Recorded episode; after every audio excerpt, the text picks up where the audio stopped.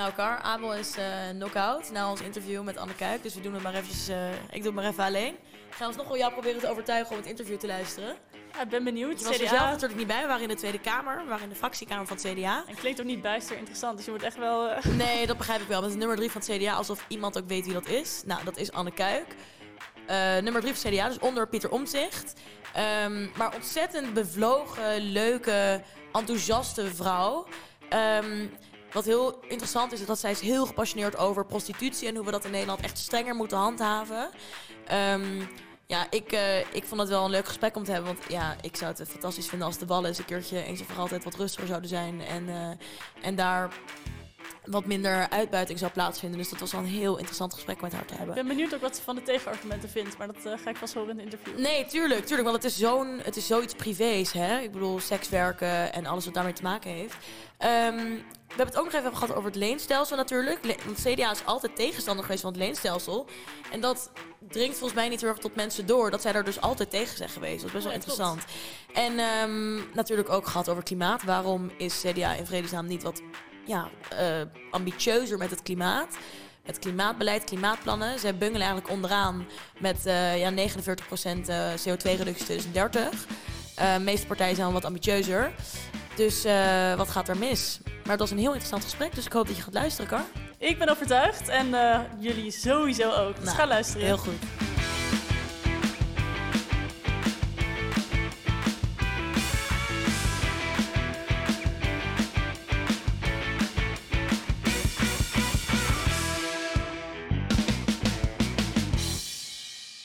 Welkom allemaal bij een nieuwe aflevering van de Studenten Stemwijzer. We zitten vandaag niet in Pakhuis de Zwijger, maar in de fractiekamer van het CDA in Den Haag, midden in het Binnenhof.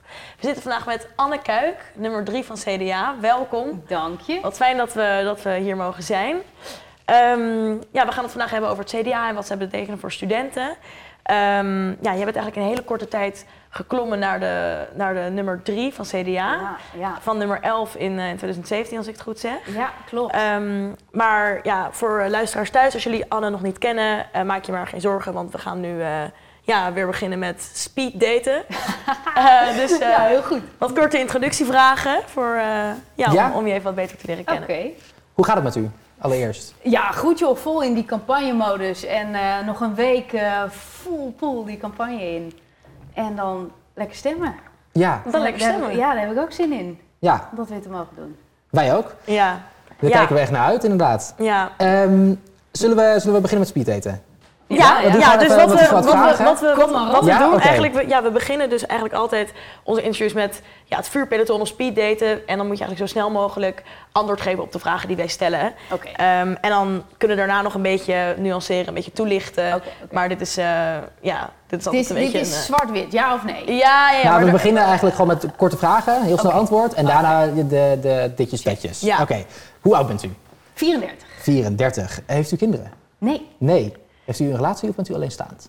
ik ben getrouwd. U bent getrouwd, kijk Ja. aan. Leuk. Huisdieren? Nee, dat zou zielig zijn. Waarom? Dat zou zielig Oké, zijn. nou dat Ja, kunnen we zo toelichten. ja. Waar bent u geboren?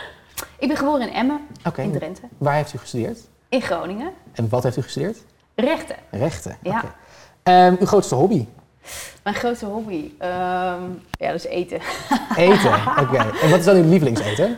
Italiaans. Italiaans. Dus, Niet de hamburger eh, van hier om de hoek. Nee, zeker niet. Nee, oké, Nee, nee. Studentenhuis of langer thuis? Ja, studentenhuis. Zuinig of een hoge schuld? Zuinig. Eh, tot vijf uur s'nachts doorbikkelen in de UB of om vijf uur s'nachts thuis van de club? Ja, jongen, maar I'm getting old. Dus 34 jaar, 34 jaar, maar Ja, ja, voor ja. één Ja, ja. studententijd. Beide? Beide. Ja. Dus gewoon tot vijf uur ging je Vijf uur uit. door en 's ochtends weer zitten. Vind ik heel knap. Vind ik heel knap. Oké, dan In als de collegezaal dan, hè? Ja. Ja, Als je oké, college zat, oké. dan was... Nee, ik, ik heb geen college gemist. Oké. Ehm, en dan als student politiek betrokken of wereldvreemd? Ja, politiek betrokken. Ik zat al in de gemeenteraad. Dus ja. ja. Drugs of drank?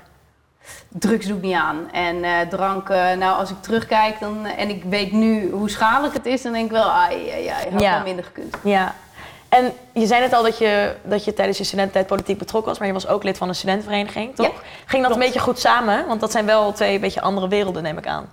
Ja, maar dat is juist leuk. Je, Ja. je wil niet dat je, ehm, in, je, in, je in, in zo'n klein bubbeltje zit. Ik vind het juist leuk om met verschillende eh, dingen bezig te zijn. En Ja. eh, ook verschillende kleuren te hebben. Ja, In plaats van, eh, oh jij bent dat type wat alleen maar met dat type mensen omgaat. ja, ja. Ja, Ja. ik denk dat juist als volksvertegenwoordiger is het ook wel belangrijk dat je ja, gewoon ook een brede interesse in, in verschillende types en mensen. En eh, ja.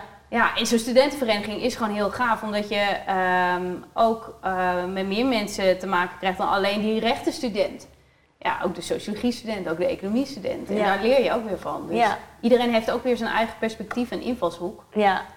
En Ja. ja, ja en ook mooie feestjes natuurlijk. Dat, dat hoort er ook bij, eh, bij, eh, bij zo'n studentenclub. Je bent nu getrouwd met een D66er. Ja, Dus ja, je, hebt, je hebt wel je andere politieke junkie ook alweer gevonden. Ik heb mijn tegenkracht gevonden, ja, zeker. Ja. Ja, wij, wij kennen elkaar uit de gemeenteraad. Ehm, toen wij ehm, de verkiezingen hadden, de gemeenteraadsverkiezingen in 2010, hadden we al die studenten die ook tegen elkaar eh, gingen debatteren. Hè? Van, van kies een student in, in de gemeenteraad Ja. en dan van alle partijen. En toen dacht ik al wel van, goh, wat een, eh, ah, wat een irritante kerel. En hij kon heel goed debatteren, hij kon heel goed debatteren, maar wel interessant. En ja, weet je, dan, dan eh, leer je elkaar kennen. En ehm, eh, ja, toen, toen op een gegeven moment sprong, sprong de vonk wel over. En eh, ja, toen zijn we ook naar de burgemeester gegaan om, om te zeggen, ja, ja, dit is wel echt. Het is niet, het is, Waarom dit moest is de er wel, Wat moest de burgemeester weten ook? Nou, wij wilden wel zeg maar dat, dat mensen het wisten, omdat je toch Ja. ook werkt in zo'n politieke arena. En je Ja. wil niet dat je gezeur krijgt over, oh, ze steunde dit voorstel omdat hij haar, eh, haar Ja. vriendje is, weet je wel. Dus we hebben toen ook gezegd van, joh, we doen nog één voorstel samen. Namelijk dat je in Groningen op meerdere plekken eh, kan trouwen dan alleen dat gemeentehuis. Eh, dus ook met een knipoog. En ehm, uiteindelijk zijn wij getrouwd in het gemeentehuis. Wat leuk. en, en ook zeg maar aan de journalistiek, aan de journalisten laten weten, joh, je moet dit even weten en wij gaan niet meer op elkaars dossiers Ja. bemoeien. om de boel ook zuiver te houden. Ehm, als, we iets meer gaan, ja, als we iets meer gaan kijken naar de dossiers en naar de thema's waar, waar jij eh, ja, gepassioneerd over bent, dan komen we al vrij snel uit op prostitutie. Ja. Ehm, ja, dat is ook wel echt een punt waar je, waar je gewoon bekend om staat. Eh, namelijk het verbieden van prostitutie. Waarom vind je dat zo'n belangrijk punt? Nou, kijk, dat was de kop in de krant. Hè? Ja. Ehm, eh, er zit een, een heel verhaal natuurlijk achter. Ehm, het begon eigenlijk eh, met een burgerinitiatief dat, we, dat, dat die kop in de krant kwam. Eh, dat een heleboel jongeren ehm, ook bij mij langskwamen en zeiden: joh, eh, als je dit nou ziet, de wallen, is dat niet gewoon moderne slavernij? En eh, ik heb met veel mensen gesproken ook. Dus met vrouwen die gedwongen in de prostitutie zitten. Ook vrouwen die zeggen het vrijwillig te doen. En ehm, je schrikt eigenlijk wel heel erg van de cijfers als het gaat om trauma. Wat, wat, wat vrouwen meemaken. Maar ook hoeveel jonge meiden daar gedwongen in zitten. In terechtkomen. En ehm, ja, dan, weet je, dan heb je ook discussies over wat vind je normaal. Vind je het normaal ehm, dat je het meest intieme dat je dat afkoopt. Hè? Dat, je, dat een man tegenover een vrouw staat, eh, dat de man zegt wil je seks met me, de vrouw zegt nee. Maar als er 50 euro wordt neergelegd, dan wordt die nee en ja. En wat nou als die vrouw dan uit een heel arm gebied in Oost-Europa komt? Wat vinden wij daar nou van? Dus ook die discussie, die ethische discussie, ehm, vind ik belangrijk om te voeren. En het, het is wat mij betreft breder dan die hele prostitutie. Alleen, het is niet alleen de red light district. Het is breder dat het gaat om wat zijn je, je normen als het gaat om seksualiteit. En ehm, je ziet gewoon dat, dat jongeren daar ook mee worstelen. Want je hebt nu eh, met dat internet heb je zoveel manieren voor foute mensen om, om, zich, om jongeren te targeten. En je ziet gewoon meisjes in Amsterdam die niet zo'n lekkere thuisbasis hebben, dat die het normaal vinden om naar een hotel te gaan, seks te hebben met een vreemde voor een tas, voor, voor een Gucci. Ehm, en dat is, dat, dat is niet alleen in Amsterdam. En ik, dus ik zie dat er, ehm, dat er een soort grenzeloosheid is. Want ja, weet je, je kunt op internet alles vinden. Wat voor grens wilt u er dan aan, extremer. wat voor grens wilt u er dan aan stellen? Wat wilt u er dan concreet aan doen? Ik, ik, ik vind het belangrijk dat je een normenkader neerzet. Dat je jongeren ook ehm, eh, meegeeft. eh, het is, seks en je lichaam is niet zomaar iets wat je weggeeft. Dat is iets wat waardevol is voor jezelf. Dus ehm, ik vind het belangrijk dat jongeren dat weten.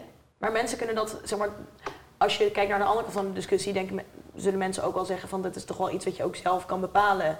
Dat is iets wat niet vanuit de overheid Ik- moet komen. en- Juist omdat het iets En daar zo privé's is. Ik, ik snap dat, alleen daar zit wel de verlegenheid, waardoor we nu eigenlijk die discussie niet voeren. Terwijl dit wel gaat om jonge mensen, Ehm, eh, echt om kinderen. Eh, waarvan we zien dat ehm, eh, via het internet eigenlijk steeds meer zij een doel worden. Voor mensen die met steeds jongere mensen seks willen hebben. En als je ook het programma ziet, Joanneke uit de prostitutie, dan zie je dus ook hoe makkelijk er een advertentie kan worden gezet. Deze meid is 16 jaar en hoeveel mensen daarop reageren en daarop afkomen. En als je weet dat slechts 2 à 3 procent van de minderjarige slachtoffers van mensenhandel zichtbaar is, daar krijg ik kippenvel van. Want Maar- 97 procent is niet zichtbaar. En ik denk, wat, wat, wat het punt denk ik is met, met deze tijd, waar we achterlopen, is ehm criminelen, foute figuren kunnen heel makkelijk jongeren bereiken via het internet, via de social media. En de overheid, onderwijs, maar ook hulpverleners, die hebben eigenlijk geen idee in wat voor digitale wereld jongeren terechtkomen en mee te maken hebben. Dus als jongeren thuiskomen op school, dan is vaak, hey, hoe was je dag op school? Terwijl je eigenlijk ook zou, zou moeten vragen, hoe was je dag op het internet? Ik, ik, bijvoorbeeld, ik weet niet of jullie de site Omegle kennen. Ja, Nou, Ja. ik heb er nog nooit van gehoord. Maar dat schijnt nu een rage te zijn in Ja, dat coronatijd. is heel eng. Want jongeren zijn, ja, weet je, het, het is gewoon een shit-tijd. Je bent eenzaam en, en, en, en je kunt niet naar buiten, je kunt niet eh, naar feestjes toe. En eh Omegle is dan een soort van chatroulette. Eh en dan kom je zomaar Dat ken in ik een wel. chat, chatroom, Ja. zeg maar, terecht. Ja. En je ziet gewoon dat, dat kinderen van 9 jaar dan tegenover een viezerik die naakt zit, eh, ja, terechtkomen in zo'n chat. Nou, dat Mhm. soort dingen. Mhm. Ik wist het niet, maar ik denk ook een heleboel ouders niet. Maar even terug naar eh, de prostitutie. Want u streed voor een, een, een verbod erop eigenlijk. En het lijkt me dan toch dat, er, dat het ondergronds gaat. En u zat net al een percentage waar dus heel veel al ondergronds is. Maar Ja. daar kun je toch helemaal niet meer reguleren. En het lijkt me dat het daar nog veel schrijnendere gevallen gebeuren dan in de gereguleerde prostitutiesector. Nou, kijk, een, een verbod dat kan helemaal niet. Dat is gewoon naïef om dat te denken. Ehm, ehm, maar je moet wel kijken hoe gaan we het terugdringen. Want hoe we het nu hebben geregeld, ons Nederlandse beleid, om te zeggen ja, het is gelegaliseerd, ehm, zegt de officier, eh, die, die gaat over mensenhandel, die zegt we zien dat het groter is geworden. En want wij zijn bekend ook in de hele wereld als, ja, dat is Nederland, eh, de Red Light District, Ja. wat neer wordt gezet als iets, hè, iets, iets eh, mooi liberaals. Dus het trekt ook allemaal ja, eh, mensenhandelaren aan. En hij zei aan de andere kant, zie je ook dat die illegale sector nog groter is geworden. Ehm, dus wat denk ik het meest belangrijke is dat er sowieso een cultuuromslag komt van ja, wat vinden we daar eigenlijk van? Want ja, als je mensen vraagt, joh, zou je willen dat jouw dochter, jouw zus, jouw moeder dit werk zou doen? Dan zegt iedereen nou liever niet. Maar, maar als het buurmeisje het wil doen, ja, be my guest. Ja, maar die cultuuromslag is best wel lastig. Als Ja. je kijkt naar de Wallen in Amsterdam, dat is al sinds dat Amsterdam bestaat, is dat al eh, het, de hoerendistrict. Hè? Ja. Gewoon de zeelieden gingen daar al heen. Ja, alleen zijn ze steeds jonger geworden, die Ja. meiden die daar stonden. En ook steeds meer eh, uit arme landen. En je ziet wel, ik geloof wel dat er steeds meer een discussie is, ook in Nederland, over wat vinden we hier nou van. Eh, ook in Amsterdam is die discussie Ja. op de Red Light District echt veel meer nu aan de orde dan Ja. tien jaar geleden. Ja. Ja. Ehm, maar wat jij zei dus van, van, van eh, je, je wil een verbod. Nee, ik, ik, ik wil veel, meer- veel meer eh, die cultuurveranderingen en die, en die klanten aanpakken. Maar twee jaar geleden ongeveer streed u heel erg voor het verbod. Daar- Daarmee staan best wel wat krantenkoppen op van, toch? Ja, kijk, de krantenkop is verbod. Maar Ja. dat heb ik nooit gezegd. Oké, ik, ik, maar- wat ik heb gezegd is, ik wil dat het strafbaar is voor de klant. Dus niet voor de vrouw. Oké, Prostitutie zal er altijd zijn. Ja. Alleen, hoe wil je het inperken? Hoe wil je het... En in Zweden, een, een land bijvoorbeeld eh, waar, eh, wat ik bedoel, eh, eh, ze dat hebben eh, gedaan, dat model... is dat ze zeggen, ja, wij vinden het niet, eigenlijk niet normaal als het gaat om emancipatie en gelijkheid... Mhm. Ehm, eh, dat je seks koopt. Eh, voor mij staat sowieso voorop, waar is de overheid voor? Die is er om vrouwen te beschermen. En dat doen we gewoon nu onvoldoende. Dus je moet kijken hoe doe je dat op de beste manier. En daar gaan we dus nu naar kijken.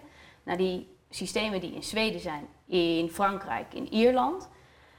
En daar sta ik nog steeds achter. Alleen, eh, je hebt dat niet van de een op de andere dag Mhm. eh, eh, veranderd. Daar heb je een cultuurverandering voor nodig. Ja. Mhm.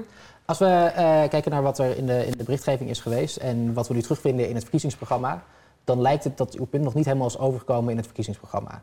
Heeft u uw hele partij nog niet kunnen overtuigen van dit, van dit, Ja, dit kijk, ik, ik snap waar dat vandaan komt. Omdat eh, we hadden eerst een tekst en er is een nieuwe tekst tegenover gestaan. En dan staan er een paar strepen door een paar zinnen. Dan denk je, ho, wat is hier gebeurd? Ja, Ehm, maar als je goed kijkt naar de nieuwe tekst, dan zie je ook dat daar staat een nieuw gelijkheidsmodel.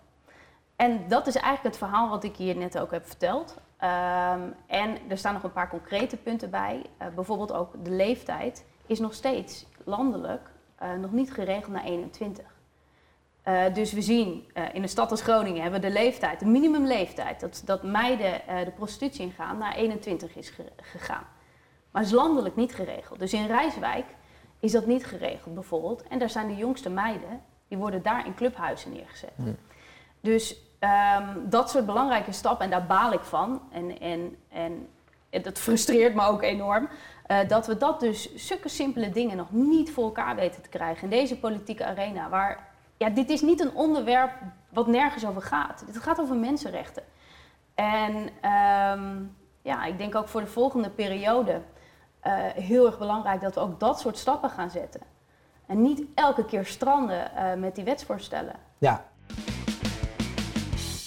Laten we doorgaan naar de partij CDA. Ja. ja. Ehm, een stokpaard van het CDA is eigenlijk moreel leiderschap. Ehm, nou, we hadden het net over best wel een ethische Normen en waarden. Precies. Ehm, en wij vroegen ons af, is een voormalig McKinsey-partner wel de, de, het geschikte persoon voor moreel eh, leiderschap? Je gaat niet zomaar de politiek in natuurlijk. Hè. Dat zijn eigenlijk, als, je, ook als ik naar mijn andere collega's kijk, het zijn hele betrokken, idealistische mensen. Die eh, ja, toch de wereld een beetje beter willen maken. Als je dat niet wil, dan blijf je eh, zitten op de plek waar je zit. Ehm, hij is niet voor niets natuurlijk van, van zo'n bedrijf ook hierheen gegaan.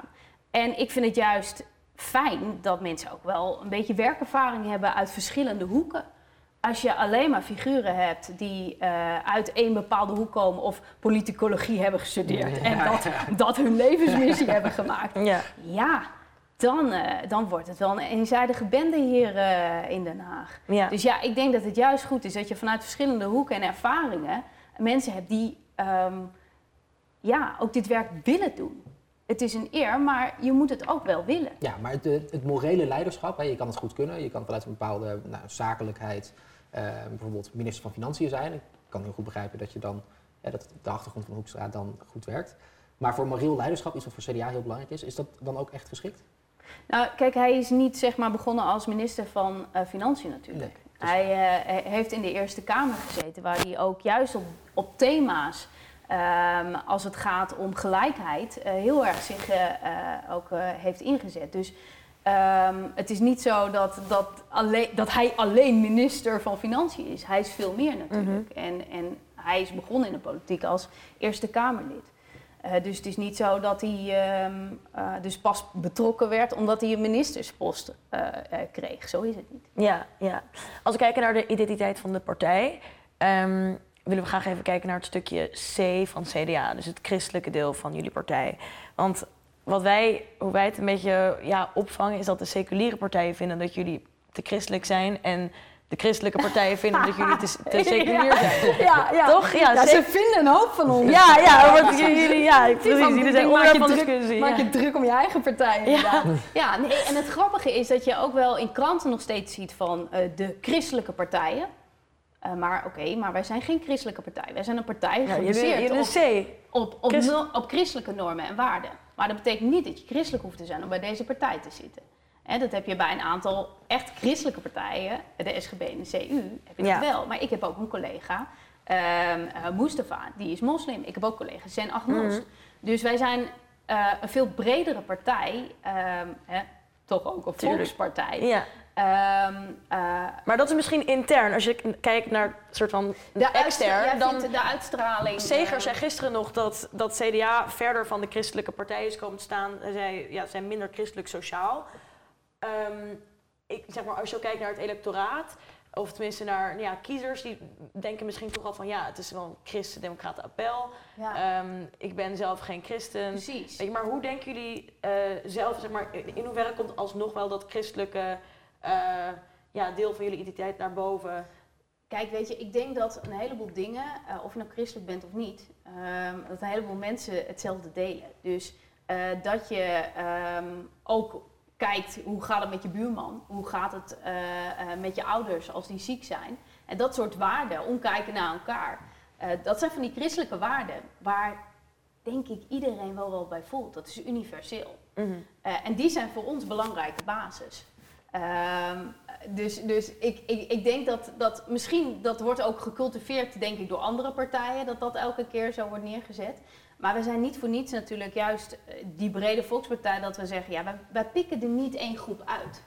Dat we zeggen, oh, wij zijn voor de, voor de hardwerkende ondernemers. En de mensen die Ja. niet aan de bak komen, zijn we er niet voor. Nee. Kijk, wat, wat, wat denk ik dat stukje eh, is van die christelijke normen en waarden, is dat je zegt, ja, die samenleving, eigenlijk kun je die vergelijken met een lichaam. Ehm, iedereen heeft zijn eigen talenten en zijn eigen ehm, eh, ja, eh, kunde. Je, je voet dat doet niet hetzelfde als je hand, gelukkig. Mhm. Eh, en zo zit het ook in die samenleving. Ehm, iedereen moet meewerken, wil zo'n lichaam werken. Al die, al die functies werken mee. En, en zo kijk ik ook naar, die ondernemers zijn nodig, maar de werknemers ook. Mhm. En de mensen die ziek zijn, zijn we er ook voor. Weet Als we je? dan Dus naar uw achterban kijken, dan is het wel, nee, in uw achterban zit vooral eigenlijk mensen buiten de steden en mensen die wat ouder zijn. Jullie partij spreekt jongeren niet zo heel erg aan. Ja, nee, ik, want ik, ik, ik dacht van, jullie komen natuurlijk vast ook met een paar beelden die jullie ook zelf ook hebben van, van het CDA inderdaad. En ehm, wat denk ik wel een terecht beeld is, is dat wij ook een partij zijn van de regio. Hè, dat, dat we ehm, eh, juist ook het hele land erbij pakken en niet alleen die steden. Eh, terwijl je bij andere partijen ziet dat vooral die steden ehm, heel erg te doen. Nou, ik heb eigenlijk meer het idee de dat meer juist het, hè, de, de regio is en minder de steden. Het dan is, beide. het is en en. Je ziet wel dat wij in steden hè, nog mi- minder groot zijn. Daar werken we aan natuurlijk. Maar ik denk het belangrijkste is dat ehm, je zo goed mogelijk, ehm, tenminste vinden wij een belangrijke opgave voor onszelf, dus zo goed mogelijk het hele land vertegenwoordigt. Dat is jullie kracht, maar is het dan niet een zwakte dat het niet echt een, een partij is die wordt gezien als een jongere partij? Nou, kijk, ik, ja, maar eh, wil je alleen maar een jongere partij zijn? Nou Nee, ja, maar Ik- dat dat is- zou ik niet zeg maar, je- willen. Ik, ik, Ja. ik, ik wil een partij zijn eh, voor iedereen. Ik wil een partij zijn die ook voor mijn opa en oma er is. Ik wil een partij zijn die ook voor mijn nichtjes er is. En ik denk dat een heleboel jongeren ook, ook wel zoiets hebben van... Ik wil, ik wil wel dat de zorg goed is voor mijn opa en oma. Je wil niet een eenzijdig eh, verhaal vertellen waar ik alleen maar zeg... Oh, doe het fantastisch voor jongeren. En de ouderen, ja, nou ja, dat is nu even niet mijn doelgroep die ik aanspreek. Mhm. Ehm, ik, wij zijn een beetje, ja, ik, ik hou wel van, van dat Italiaanse familiegevoel, weet je wel. Oké, ja. Eh, van, weet je, daar ga je voor, door, door het vuur voor. Dat is je basis, je thuis, waar je vaak hopelijk eh, op kan rekenen. Ehm, en die, ba- die basis, die staat soms ook wel onder druk. Dat jonge ouders gewoon echt, eh, dat er veel op ze afkomt. Ehm, ja, en dat zijn wel dingen waar wij ook op inzetten. Mhm, Ja. Ehm, laten we dan doorgaan naar de, ja, het, eh, de eerste golf en de eerste crisis waar we het over willen hebben. Ja, ja. Namelijk de coronacrisis. Je had het net al even over ehm, ja, partijen die, die strijden voor, eh, voor misschien wat, een wat ouder electoraat en partijen die, wat, die strijden voor een wat jonger electoraat. Maar eh, dit is toch wel echt een probleem wat vooral ook wel echt over jongeren gaat. Want een derde van de studenten geeft hun levens door corona een, eh, een onvoldoende. En er is laatst ook weer onderzoek ehm, uitgekomen dat de helft van de jongeren meer drank en drugs is gaan gebruiken door de coronacrisis. Ehm, we hebben geen fysiek onderwijs. Ons hele studentenleven speelt zich af achter een computerscherm. En wij vroegen ons af wat jullie partij voor jongeren concreet heeft gedaan tijdens de coronacrisis. Ja, ehm, dat is gewoon zo. Hè. Iedereen, voelt, iedereen voelt zich natuurlijk rot eh, in, in deze coronacrisis. We hebben die eerste golf gehad en nu zitten we weer. En we dachten natuurlijk in januari, de scholen kunnen weer vol open. Ehm, ik heb ook wat, wat, wat andere eh, afleveringen geluisterd van jullie podcast. En wat mij opvalt is... Nou, wat mij opvalt is dat partijen soms aangeven, eh, maar dit komt door ons. Wij, wij hebben gezegd, die scholen moeten als eerst. En toen dacht ik, dat is wel grappig, want dat hebben wij ook gedaan. dus ehm, je ziet wel dat er een ehm, consensus was, dus wel meerdere partijen die zeiden, joh, als wij ehm, prioriteiten moeten stellen, dan weten we het wel. Dan, zijn als eerste de jongeren aan de beurt met die scholen. Die moeten gewoon weer eh, eh, de lessen krijgen. Eh, ondertussen, ik hou me ook bezig met de studenten van het MBO. Dat Ja. is een, van, een van mijn portefeuilles. Daar hebben we ook van gezegd, ja weet je, MBO, dat gaat om praktijklessen. Dat gaat om het doen. Dus dat is wel doorgegaan. Ehm, maar je ziet gewoon dat het gigantisch knal, knelt. Ook gewoon wat het, wat niet alleen leerachterstanden, maar ook wat het met jou doet. Mhm. eh, als je geen contact meer hebt. Ehm, en ik heb ook wel met jongeren gesproken van, ja, hebben jullie nog ideeën hoe we dan, hoe we dan toch veilig ehm, ehm, stappen kunnen zetten? Nou, in Groningen is er bijvoorbeeld een, ook een test ehm, eh, geweest bij de Rijksuniversiteit. eh, om om eh, tentamens af te nemen en ook weer zeg maar, lessen te volgen. En we hebben ook tegen de minister gezegd, zorg nou dat we daar zo snel mogelijk ook resultaten van hebben. Dat, want iedereen wil zo snel mogelijk gewoon weer ja, die contacten hebben. Ja. Ehm, volgens mij was het een maand geleden of in, in januari vroeg het CDA om uit te laten zoeken hoeveel jongeren meer drank en drugs zijn gaan gebruiken door de coronacrisis. Nou, het, wat ik net al zei, de uitkomst, ik zei net de helft, maar het is 4 op de 10 volgens mij. 4 op de 10 is meer eh, drank en drugs gaan eh, gebruiken. Heeft het onderzoeksteam eh, van Lieve Mark ehm, uitgezocht.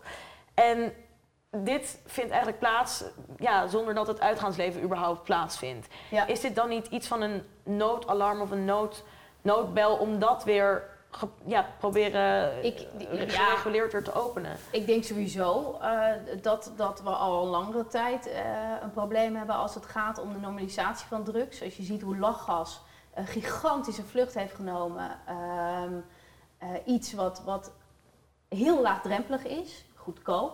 En ook, ehm, het lijkt alsof het risicoloos is. Hè? Ja, maar ik denk ook dat het vooral Ja, komt ja. omdat me- weet je, mensen vervelen zich. Ze kunnen niet gereguleerd in de, in de kroeg rustig een biertje drinken. Je bent gewoon thuis met je huisgenoten. Je denkt, ja, wat ga ik doen? Ja, dan maar drank en drugs. Dus en, is dat en, niet... en, en ik heb gisteren trouwens wel gehoord dat eh, het toename van cannabis, dat dat wel eh, aan de orde is. Maar dat eh, meer de partydruk, eh, dat dat veel minder is. En dat is natuurlijk, daar is ook wel een verklaring voor, want er zijn minder feesten. En wat, wat, wat op festivals natuurlijk wel een beetje eh, ja, de norm eh, afgelopen jaren is geworden, is dat je eh, daar een partydruk neemt. Ehm, ik denk dat dit ook wel laat zien dat waarom, waarom doen jongeren dat? Daar, daar zit iets achter. Daar zit iets van, van eenzaamheid en verveling ook achter. Ja, Ehm, dus dat is, dat is een thema waar je eigenlijk ook in gesprek met jongeren ehm, moet kijken. "Joh, jongens, wat doen we hier nou aan? Wat is er dan nodig om ja, te voorkomen dat je aan de 3 MMC zit? Ehm, ja, vorige week was er nog weer een verhaal. nou ja, wat als je, als je vroeger, eh, als je vroeger eh, kon feesten in een, in een kroeg of, of op, een, eh, ja, op een plek waar je, waar je met vrienden samen kon komen en gewoon rustig een biertje kon drinken en dat nu volledig wegvalt. Ik denk dat jongeren het gevoel hebben dat ze misschien moeten compenseren voor, voor alles wat ze missen en dan maar gewoon op een avond misschien veel meer gaan drinken en veel meer drugs gaan gebruiken. Ja, of even uit de werkelijkheid of zo willen stappen. Hè? Dat, dat, en, en daarom niet voor niets dat we ehm, eh, ook nu wel extra uittrekken voor projecten eh, in gemeenten. ehm, om die eenzaamheid, om daar iets aan te doen. Ehm, maar daar hebben we wel jongeren ook zelf bij nodig om aan te geven wat dan. Hè? Hoe kunnen we eh, eh, je helpen? Eh, niet iedereen is gecharmeerd van een rondje lopen met z'n tweeën. moeten we niet gewoon kijken naar de- relaxed, maar Maar Dat- moeten we niet gewoon kijken naar de oplossingen waarom, waarom eenzaamheid er überhaupt is? Namelijk Precies. doordat je elkaar niet meer kan zien. Maar als dat veilig kan gebeuren, is dat dan niet gewoon iets waar we gewoon nu echt massaal in moeten gaan investeren? En, en dat, dat is natuurlijk ook waar nu allemaal eh pilots voor zijn om dat, om dat te doen. Het is, kijk, het liefst zou ik zeggen, joh, ga feesten, eh, het mag weer open. Maar kijk, we, we, we hebben deze regels niet voor niets. Ehm, dat doen we niet voor de lol. Iedereen vindt het shit. Ehm, maar we zien wel dat er licht aan het einde van de tunnel is. Eh, hoe meer mensen gevaccineerd zijn. We zien ook dat minder oudere mensen nu besmet raken. Ehm, dus ja, het is, het is shit om te zeggen van hou vol.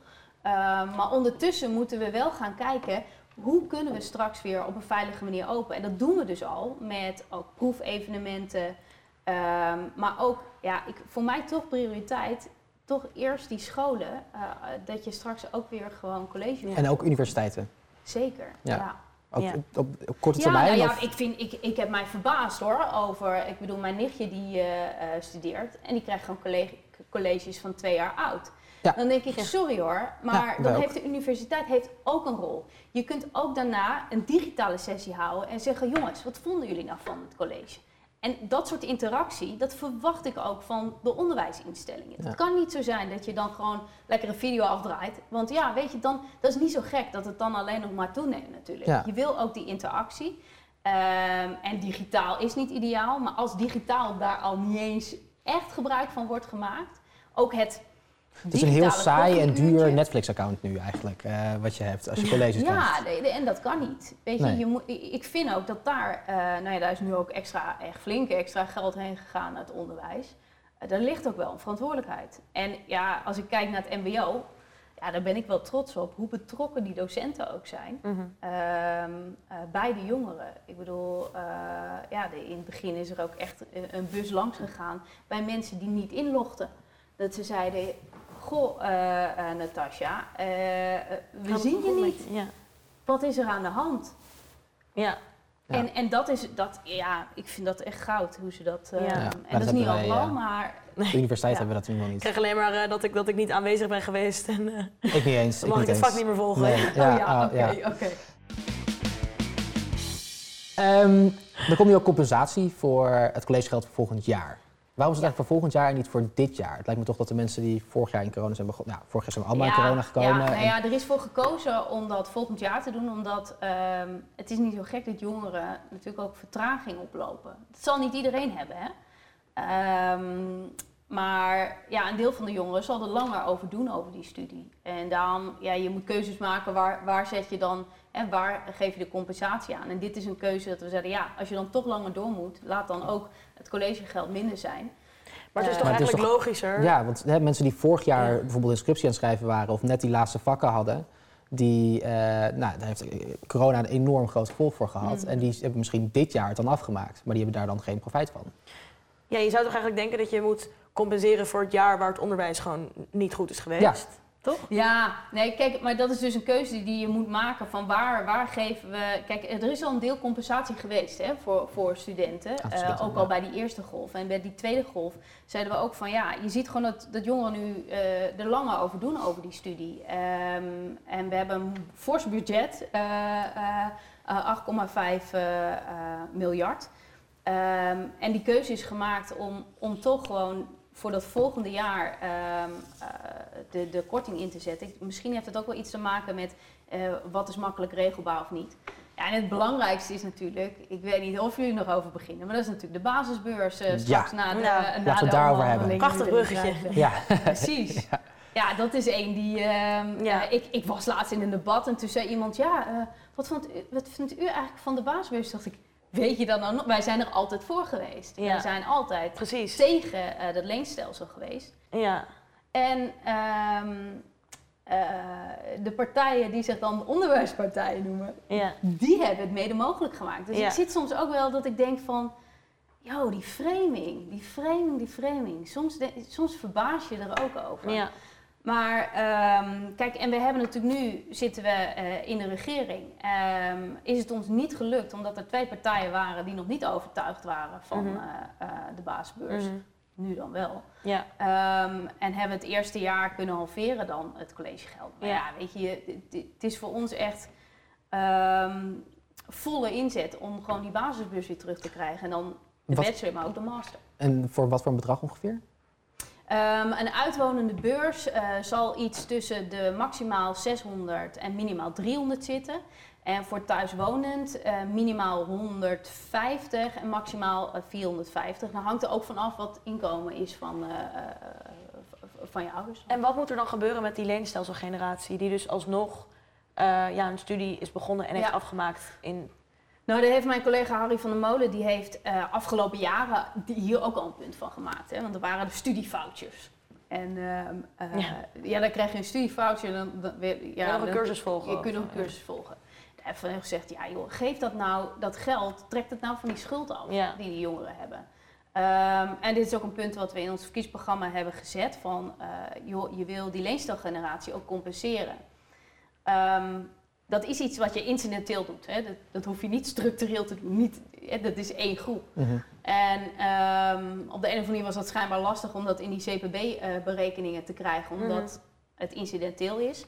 Maar daar zetten wij dus al langer, ook al voor, voor de verkiezingen. Maar andere partijen hebben daar geld voor gereserveerd bij hun berekeningen. Ja, CDA niet. Die heeft ook niet in een verkiezingsprogramma Ja, staan van... Jawel, er staat nee, ook we- geen bedrag in. Wij hebben, we hebben wel gereserveerd, ehm, eh, maar eh, dat is dan structureel. Terwijl we ook zeiden, ja, maar dit is niet structureel. Eh, eh, dus zo hebben we het maar opgelost.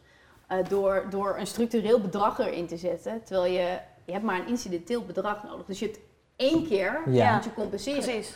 Dus daar is iets mafs gegaan eh, eh, bij die berekeningen. Maar dat, we hebben het er wel ingezet structureel om te laten zien, het is ons wel menens. En hoe zou je dat dan het liefst zien?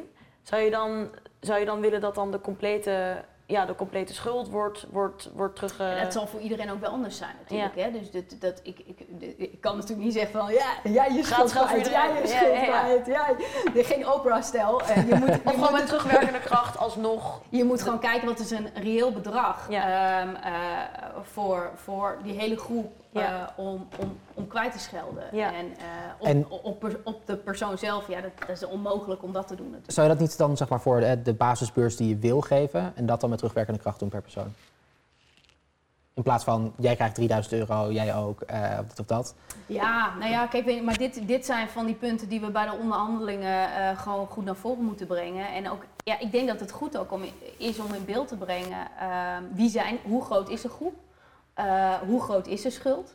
Eh, dat we daar ook ehm, eh, een idee bij, bij krijgen. En dat is, hè, de, de basisbeurs zelf, hoe die was, dat kan natuurlijk een richtlijn zijn in hoe, op welke manier je compenseert. Ja. Je heeft dus nog geen harde eis of eh vooringenomen plan... waarvan u denkt van, dit moeten we terug gaan krijgen voor hun. Nee, dat is ook lastig om zo te zeggen, ja. Nou, dat horen we Da- dan misschien nog wel. Andere partijen hebben daar meer mee Ja, lopen. ik hoorde dat de ChristenUnie 4000 euro heeft. Ik Ja. weet niet of dat reëel is. Ehm, misschien is dat wel te weinig. Nou, dat vind, dat vind ik in ieder geval heel prettig om te horen. Ja, we hebben natuurlijk Eh, wel de maar 10.000 ja. van Jesse Klaver. Ja, die hebben we ook. Ja, Ja. ja. Ja, precies. ja. Ja. Hoe denkt u daarover? Nou, een beetje makkelijk. Ja, dat, het klinkt wel een beetje als een verkiezingsdingetje om te zeggen... hé hey, jongeren, eh, stem op mij, want je krijgt 10.000 euro. Terwijl je ook wel kan, kan bedenken van tevoren... ja, dat is niet reëel.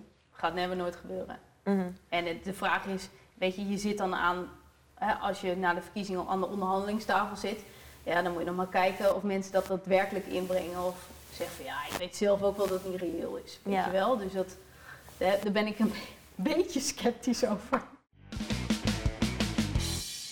Oké, laten we het hebben over eh, de arbeidsmarkt. Eh studenten die komen straks eh, de, de arbeidsmarkt op, en ook, mensen die er nu al zitten. Het is ontzettend lastig om nu tijdens corona een baan te vinden. En waarschijnlijk in de nasleep van corona zal het ook nog steeds heel lastig zijn. Wat gaat de CDA doen om meer werkgelegenheid te creëren?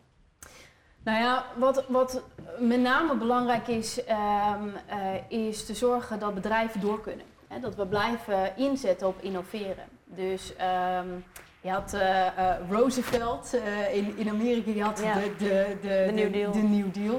Nou, Fopke eh, die heeft ook de New Deal eh, voor, voor, voor deze crisis. Ja, Ja. Het is wel een crisis wat, wat Ja. eh, heel veel ondernemers heeft geraakt. Ehm, en daarom hebben we ook een MKB-plan. Ehm, juist als het gaat om financiering en, en innovatie. Ehm, want dat is belangrijk dat die ondernemers door kunnen. Want er- anders gaan een heleboel mensen ehm, hun banen kwijtraken. Dus juist nu investeren, dat, dat is een belangrijk eh, eh, punt wat we maken. Eh, daarnaast de arbeidsmarkt zelf. ehm, die, daar is natuurlijk wel wat mee aan de hand. Als ik naar mijn vrienden kijk, dan zie ik gewoon hoe lastig het is. Het is bijna een uitzondering dat zij een vast contract hebben eh, dan de regel. Ja. En weet je, wij- het stomme is, wij zijn het haast gewend Mhm. als jongeren. Ehm, ik heb zelf ook een tijdelijk contract, hè? Is elke keer weer verlenging. Nou, Voor vier jaar. dat zit wel goed. Maar daarna heb je een wel wachtgeld, dus dat is ook prima. goed, precies. Ja. Ja. Nee, ehm, maar je ziet wel dat die flexcontracten zijn gewoon unfair. Je hebt gewoon te weinig zekerheid. Versus eh, die vaste contracten. En weet je, dat moet veel meer dichter bij elkaar. Ik vind ook als je het hebt over ZZP'ers, dat je bedenkt dat maaltijdbezorgers ZZP'ers zijn. Ja. Dat een, een maaltijdbezorger is geen ondernemer. Dat is gewoon uitknijpen van iemand. Dat, Mhm. is, dat is hoe het is. Ja. Dus die vrije markt, ehm, dat loopt helemaal uit de hand als wij niet eh, een beetje gaan ingrijpen. Ja. Ehm, En, en hoe Ja. dan? Wilt u dan duurder maken voor ZZP'ers of zo, om ZZP'er te zijn? Of Nou, wij, willen zeg maar het voor, voor de werkgevers eh, willen we ook een prikkel erin brengen. eh, dat het eh, minder aantrekkelijk is eh, om, om dat flex zeg maar aan te nemen. Dat er meer zekerheden zijn. En dat de verschillen dus, ook tussen vast en flex, minder groot worden. Dus vast zal ook wel... Kijk, wat interessant is dat... ehm, ik kan me voorstellen dat als jij een startende ondernemer bent... en je neemt mensen in dienst en je wil ze wel vast in dienst nemen... dat je toch ook te maken hebt met een soort flexibele, eh, flexibele schil. Mhm. Je ja, ik kan het soms een, misschien een beetje krimpen, een beetje... Kan, kunnen de medewerkers dan ook meebewegen? Dus ik vind het interessant om te kijken ook van hoe kun je ook bij contracten misschien een vaste kern hebben en daarbij ook een flexibele schil. Ja. Een andere prikkel waarvoor ja, Wopke Hoekstra een beetje door het stof ging afgelopen week was de verkorting van de duur van de werkloosheidsuitkering. En ehm, ja, wat daar, wat daar een beetje over werd gezegd was dat. eh, Hoe kun je dat nu doen? nou, ja, precies. Ja, Hoe kan je dat nu doen? Maar ook dat de reden erachter was dat werkgevers dan minder premie hoeven af te dragen voor werkloosheidsuitkering, waardoor eh, het ze prikkelt om, eh, ja, om, om misschien mensen sneller in dienst te nemen. Eh, kunt u misschien een beetje meer uitleggen wat, wat daar, wat daar aan Kijk, de hand weet was? je, dat, dat is natuurlijk in deze tijd van campagne heb je heel veel interviews.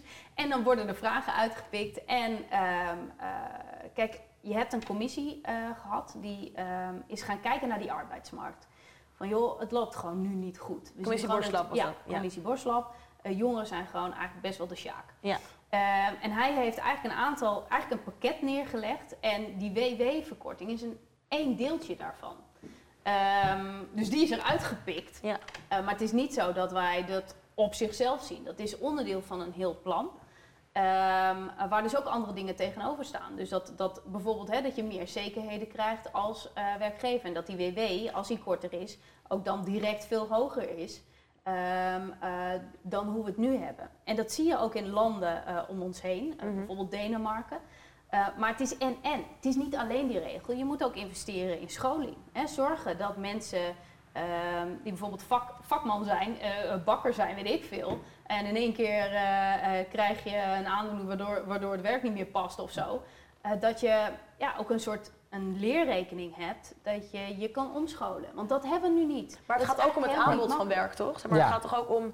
ehm, er stond ja, een reden achter, achter eh, ja, dit, deze vorm van beleid. Was ook dat het dan mensen sneller prikkelt om weer sneller aan de bak te gaan en sneller aan het werk te gaan. Maar als er vooral tijdens de coronacrisis veel jonge mensen zijn hun baan kwijtgeraakt, juist omdat er gewoon te weinig aanbod is van werk. ehm, hoe, kan je dan, hoe, hoe kan je dan mensen zeg maar, prikkelen om aan de bak te gaan als er helemaal niks is om mee te werken en niks, geen, geen werk is om Nee, aan te maar, dit- beginnen? maar- nee, maar da- daarom is gewoon dat hele plan ook van belang. Hè? Dat je eh, ook zorgt dat het voor werkgevers interessant is om mensen in dienst te nemen.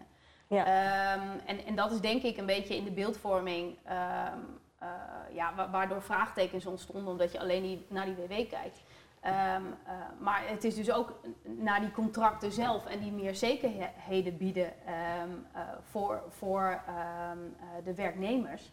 En dus ook tegengaan van die schijnconstructies als het gaat om ZZP'ers. Dat het de echte ondernemers zijn die ZZP'ers zijn.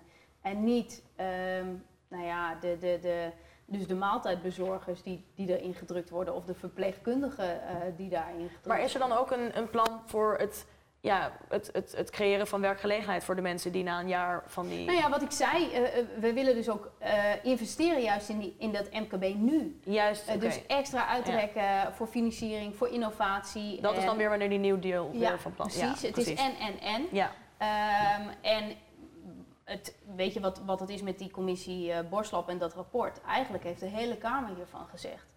Ja, dat moeten we eigenlijk wel zo doen. En, en de commissie heeft zelf gezegd, pik nou niet één van die maatregelen eruit. Mhm. Ga hem nou niet zeg maar, helemaal uit elkaar slopen en weer een gedrocht Want ervan CDA maken. wil een groot deel daarvan overnemen.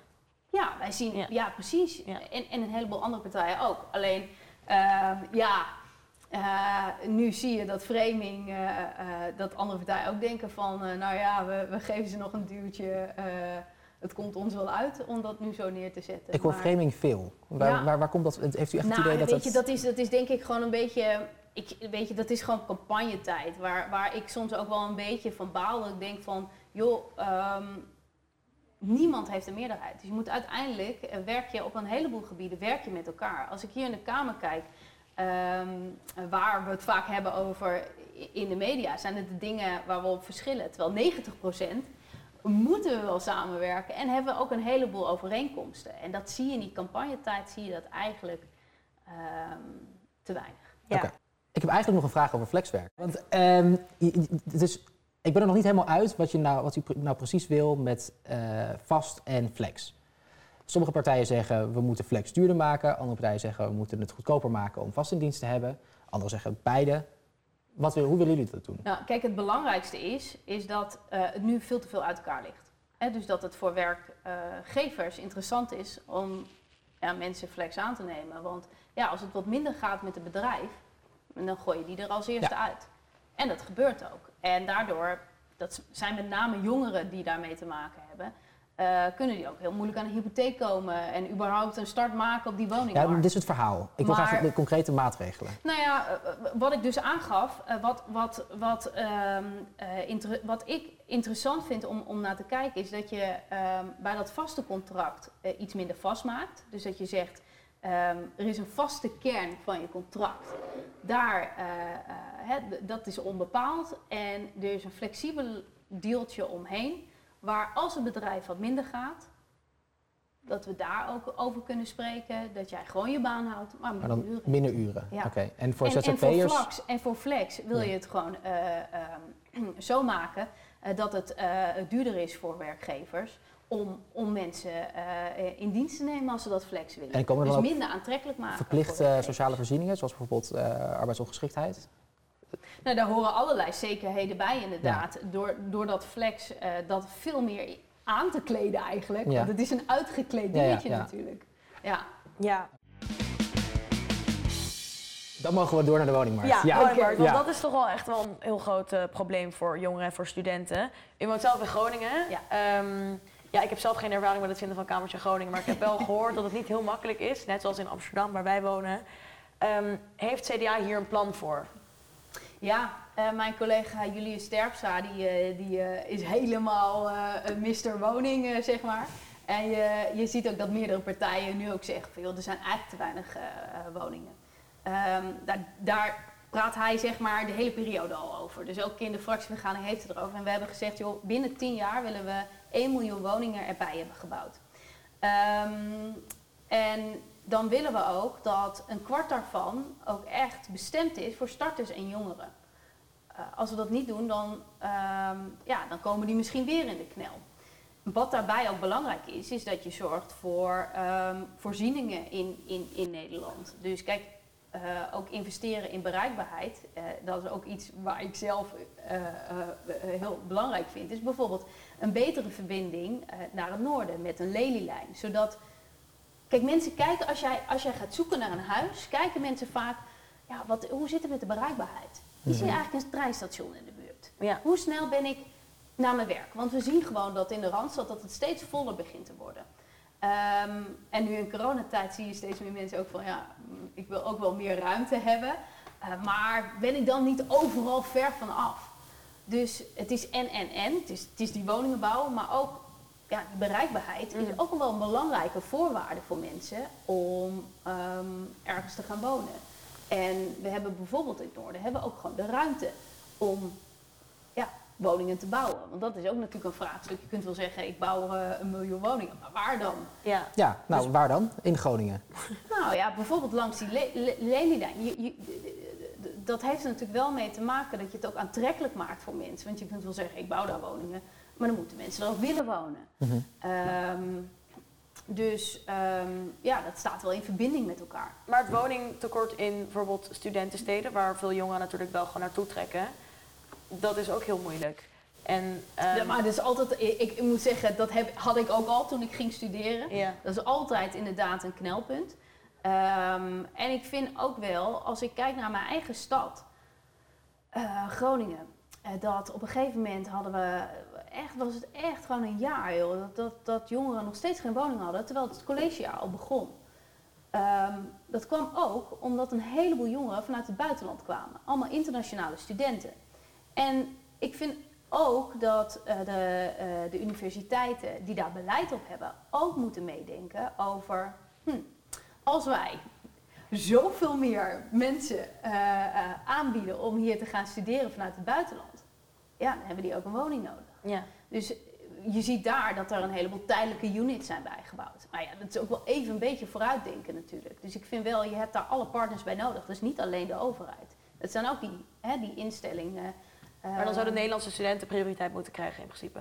Nou, ik vind, ik vind wel ehm, eh, dat je moet kijken naar de balans. Als Ja. dat totaal eh, eh, uit balans slaat, denk ik wel van ja, we- wat, waar, ja, je wil wel ook gewoon dat jongeren een goede start kunnen maken. En als dat totaal in de knel komt, omdat wij hier een fantastisch aanbod hebben waar heel de wereld naartoe komt. Ja. Laten we dan even doorgaan naar, los van de arbeidsmarkt en, en, en de huizenmarkt, de staatsschuld. Eh, Hoekstra die, die gaat erover. Ja. Eh, CDA geeft eigenlijk best wel weinig uit, relatief met andere partijen in, in, hun verkiezingsprogramma en doorrekeningen. Eh, maar toch wordt er veel geld uitgegeven. Ja. Ook tijdens corona is er heel veel geld Ja. Komt die rekening niet bij ons terecht? Nou, dat is wel een terechte vraag. En dat is wel iets waar wij dus wel kritisch op zijn als CDA. Ehm, omdat, eh, weet je, je denkt van ja, wie merkt het? Hè? De, de schatkist, dat is zo'n woord waarvan iedereen denkt, oh ja, de schatkist. Prima, eh, ja. ja, ja. Eh, en en het, geld, het geld lijkt dan oneindig, hè? want dan leen je nog weer wat. En wie merkt daar nou wat van? Hè, Nou, dat dat dus. zou je kunnen denken. Eh, en, en daarom zijn wij wel kritisch op wat geven we uit. We zeggen wel van ja, nu zitten we in zo'n crisis. Dat kan niet anders. Dat, dat we nu echt een impuls moeten geven. Juist aan die onderne- ondernemers om door te starten. Juist om die achterstanden ook eh, als het gaat om onderwijs eh, terug te dringen. Maar als je goed kijkt naar ehm, hoe wij het geld uitgeven, dan zie je op de lange termijn dat we solide zijn. Hè? Dat we weer, het is nu echt gewoon op de korte termijn moeten we echt een impuls geven. Maar op de lange termijn ja, zie je dat andere partijen nog steeds wel de sky is the limit denken. Eh, en het is natuurlijk tof om, om allemaal dingen te zeggen en te beloven eh, eh, voor nu. Maar het straks moeten we ook over, de- over nadenken. En ik ben blij dat we daar voor de coronacrisis ook al over na hebben gedacht. Ja. Als we dat niet hadden gedaan, dan hadden we nu niet zo kunnen investeren. Oké, helder. Laten we doorgaan naar de klimaatcrisis. Ehm, waarom? Heel veel mensen maken daar zich zorgen over. En eh, we merken eigenlijk dat in, de- in jullie programma dat CDA niet heel veel meer uit gaat geven aan de klimaataanpak. Waarom Nou, niet? Ik, ik kijk, ehm, de klimaatcrisis, volgens mij heeft iedereen da- dat scherp op zijn. Nou, niet iedereen. Er zijn partijen die het ontkennen Ja. in deze Kamer. maar. ehm, Nou, niet in eh, deze we- we Kamer, hebben maar in het- in gebouw, niets- ja. Niet voor niets met een hele Ja. brede coalitie een klimaatakkoord eh, Ja. afgesloten. Ehm, wat, wat, wat denk ik het verschil is ehm, eh, met andere partijen en, en ons programma, is eh, dat we per provincie willen kijken, hè, wat kan er in deze provincie gebeuren en met de mensen samen. Want joh, ik, als ik in mijn provincie kom eh, en ik zie projecten van windparken waar mensen niet zijn meegenomen, ja, dan ehm, eh, raak je het draagvlak kwijt over hoe moeten wij naar een andere manier van eh, aan energie komen.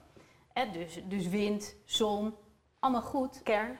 Kernenergie, dat is, maar dat is, hè, dat is ook voor de lange termijn. Ja. Dat is niet alleen Maar jullie voor zijn de er wel voor, toch? Zeker, ja, want omdat je redt het niet alleen met, met, met zon en wind. Als dat zo zou zijn, ja, hè, kijk, op, op daken hebben we niet zoveel last van, hè, de, Ja. de, de, zonnepanelen.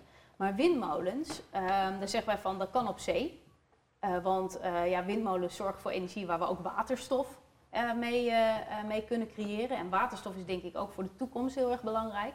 Maar met kernenergie vul je het aan. Want je, je, je redt het niet, dan, dan, anders moet je heel Nederland volbouwen. En als je nu al kijkt naar die, die projecten, ja, dan is het eigenlijk, zeggen mensen wel van ja, not in my backyard. Ja. Not in my backyard. En, en ik snap dat wel.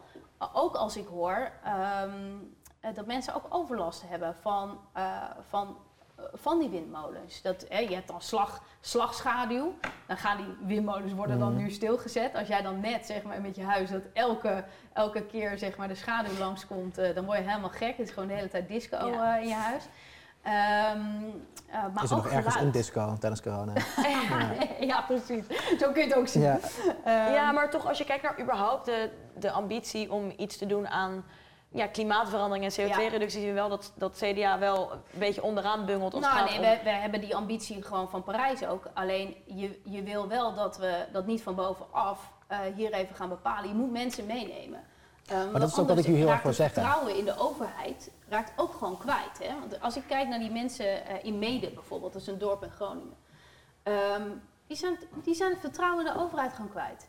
Die Ja, maar uiteindelijk is het profiteren 0,0 van die winst. Uiteindelijk help je toch eigenlijk de- mens het meest, of, of je stemmer het meest, als je, als je iets probeert te doen, of tenminste de meest ambitieus bent op klimaatverandering. Als je kijkt naar eh, CDA wil, ik bedoel, eh, sorry, D66 wil tenminste 60% CO2-reductie hebben in eh, 2030. En eh, ja, Volt wil helemaal klimaatneutraal zijn dan. Maar wat, Ja, ik, wat ik bij u heel erg hoor is, eh, we moeten draagvlak creëren en Ja, we moeten we kijken moeten het wat, samen doen. Wat per provincie er eigenlijk kan gebeuren. Maar ik zie nou niet echt een doel van dit willen we behalen. Ja, nee, natuurlijk. We hebben toch gewoon dat, dat klimaatrapport eh, samen ingediend. En, en we steunen de doelen van Parijs. Alleen is even de, de, vraag hoe. En je kunt heel stoer zeggen, joh, wij zijn voor eh, 60% eh, reductie.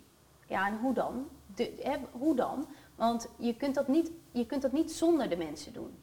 Ehm, en, en daarom denk ik ook dat de aanvulling van kernenergie eh, eh, wel eentje is die nodig is. Omdat je windmolens, daar zijn we voor. Hè, we moeten wind- en zonne-energie.